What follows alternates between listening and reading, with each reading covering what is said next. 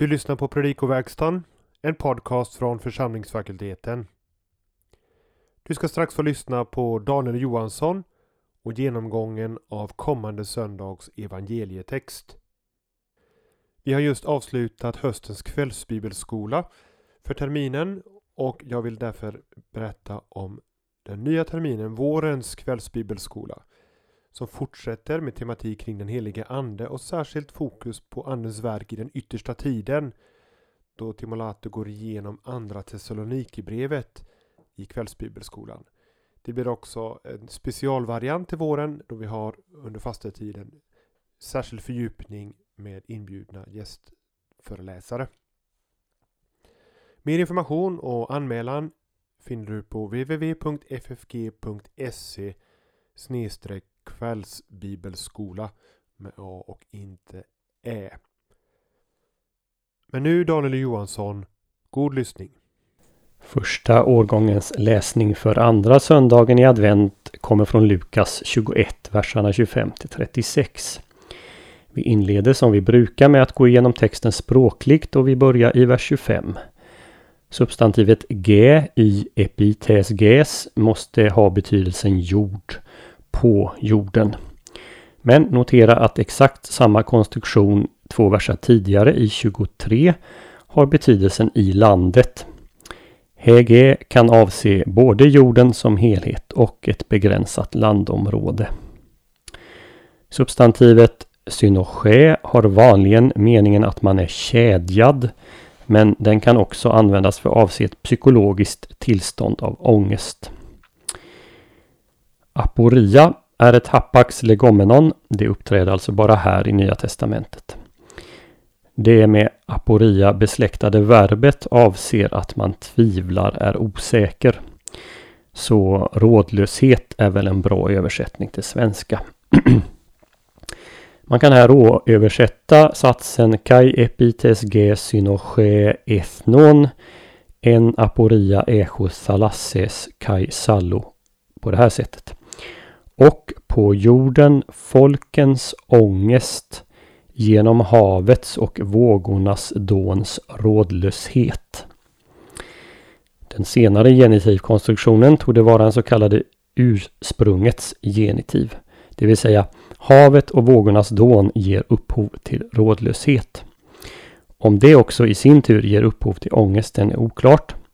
Prepositionen en kan vara kausal så tar IS vid det.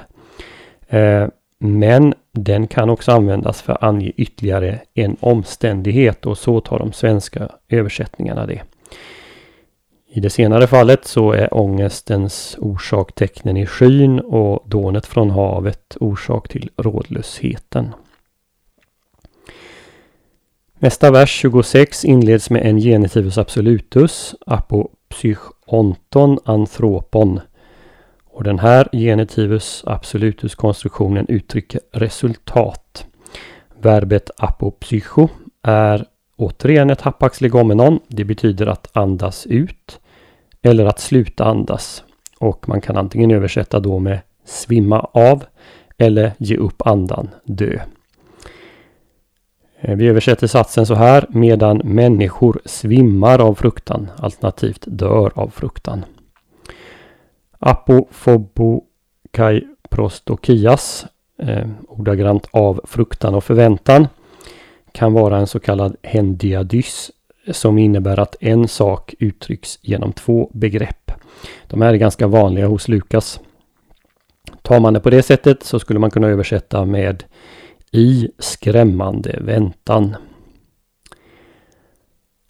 Haigar dynameis ton oranon avser antingen solen, månen och stjärnorna omnämnda i vers 25 eller andliga makter.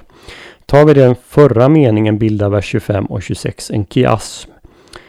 Eh, för den här kiasmen så ta en titt på pdfen till den här podden på FFGs hemsida.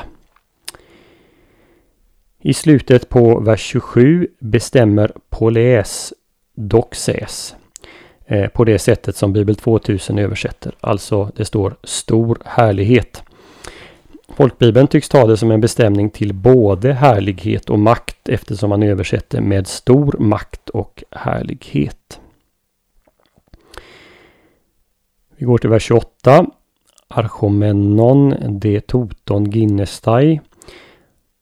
Då har vi en ny genitivus absolutus och den är här följd av infinitiv. När detta börjar att ske. Imperativet anakypsate, räta på er, är samma verb som används om kvinnan som under 18 år inte kunnat räta på sig för att hon varit bunden om, av, eh, av Satan. Om det här kan man läsa i Lukas 13, vers 11. Vi går fram till vers 30. Verbet proballosin har här betydelsen att påbörja vegetativ växt med särskild betoning på att blad slår ut. I vers 32 så vill jag påminna om att negationerna o, med, sedan följt av konjunktiv eller futurum är grekiskans starkaste form för negation. O med parelfe betyder ska aldrig någonsin förgås. I vers 33 får vi sedan ett exempel på hur o med följs av futurum. O med parelevsontai ska aldrig någonsin förgå. I vers 30, 34 eh, så får jag rekommendera Folkbibeln 2015s översättning som återger innehållet på ett väldigt bra sätt på modern svenska och nära grundtexten. Prepositionen i den här satsen, eh, prepositionen en, är instrumental. Hjärtarna blir nedtyngda genom de tre saker som räknas upp. Eh, Krai palle är ytterligare ett exempel på ett hapax legomenon i vår text. Ordet avser dryckesvanor som är helt utan moralisk återhållsamhet. Vidare, det kaj som följs av episte är ett så kallat kaj consecutivum och som därför behöver översättas så att. Vi översätter vers 34 på följande sätt. Men ta er tillvara. så att era hjärtan inte tyngs ner genom omåttligt superi, dryckenskap och bekymmer för det här livet så att den dagen plötsligt kommer över er. Så går vi till vers 35. Pantas toth kathemenos epiprosopon passes tes ges.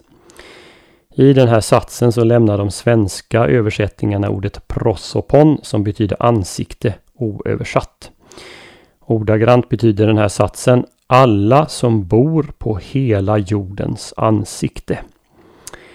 Ansikte tog det här avse jordens yta så man kanske kunde uttrycka det som bor över hela jordens yta.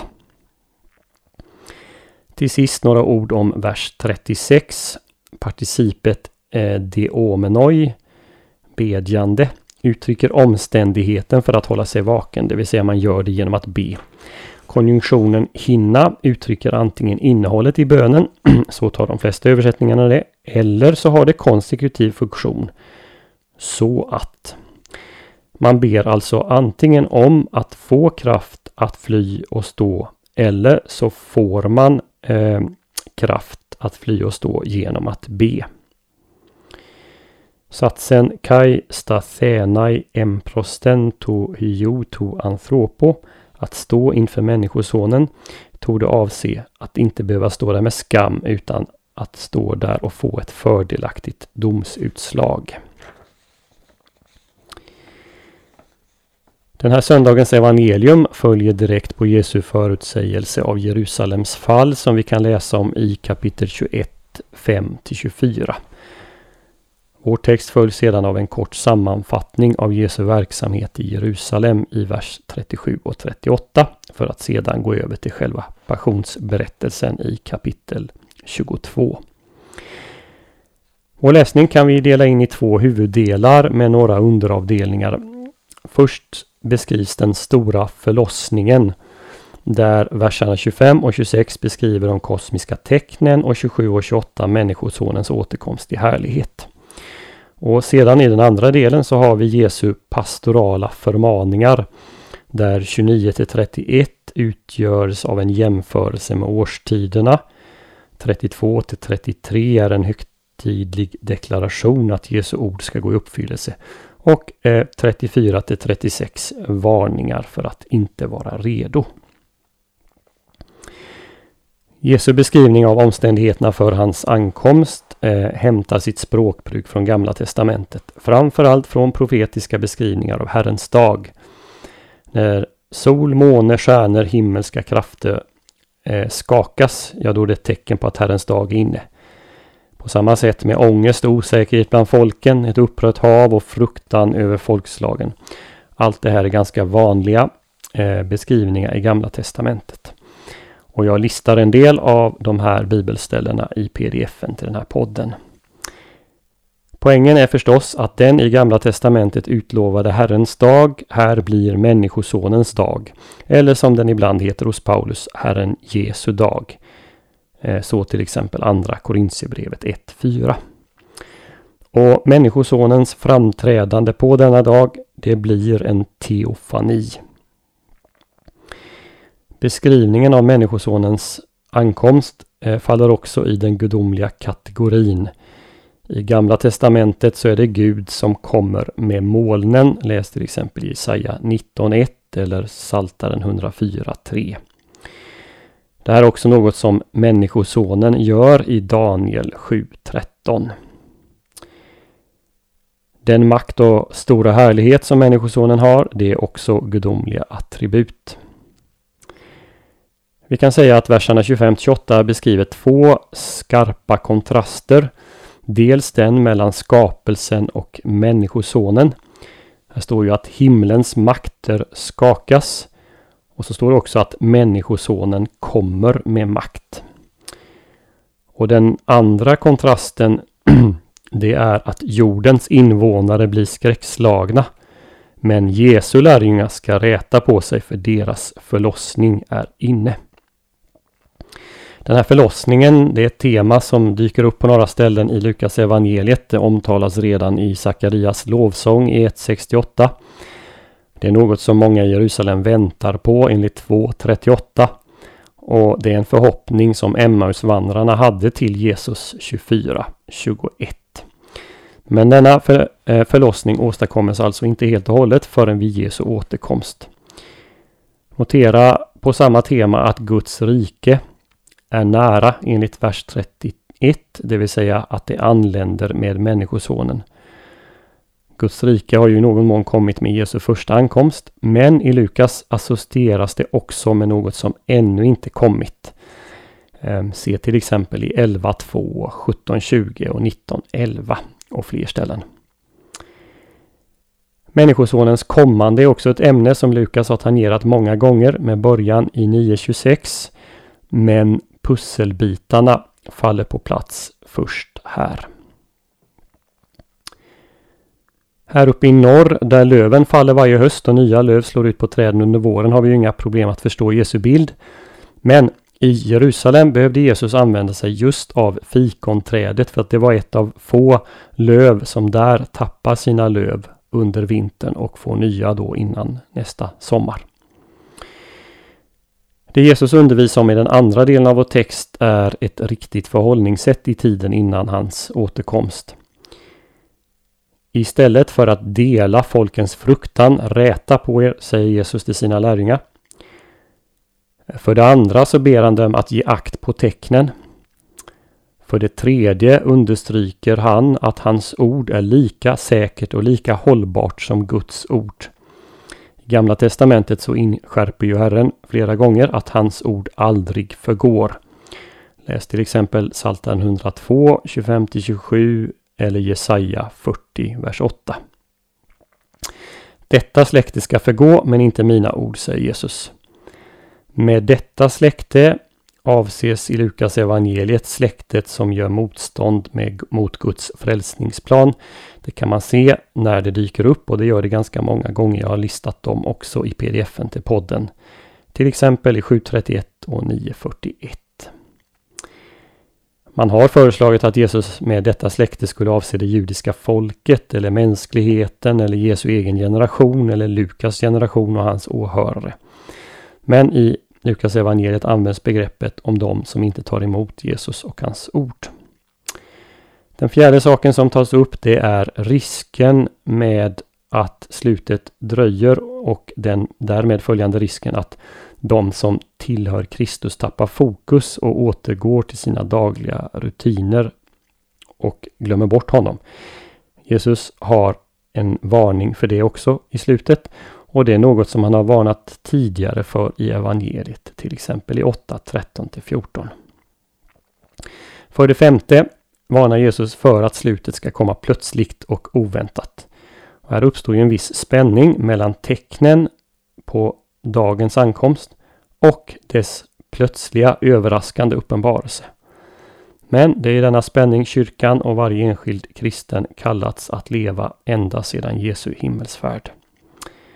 Till sist för det sjätte så pekar Jesus på medlet för att hålla sig redo och möta de eskatologiska utmaningarna, nämligen bönen. Och nog är den bönen exemplifierad i Lukas 11, vers 3-4.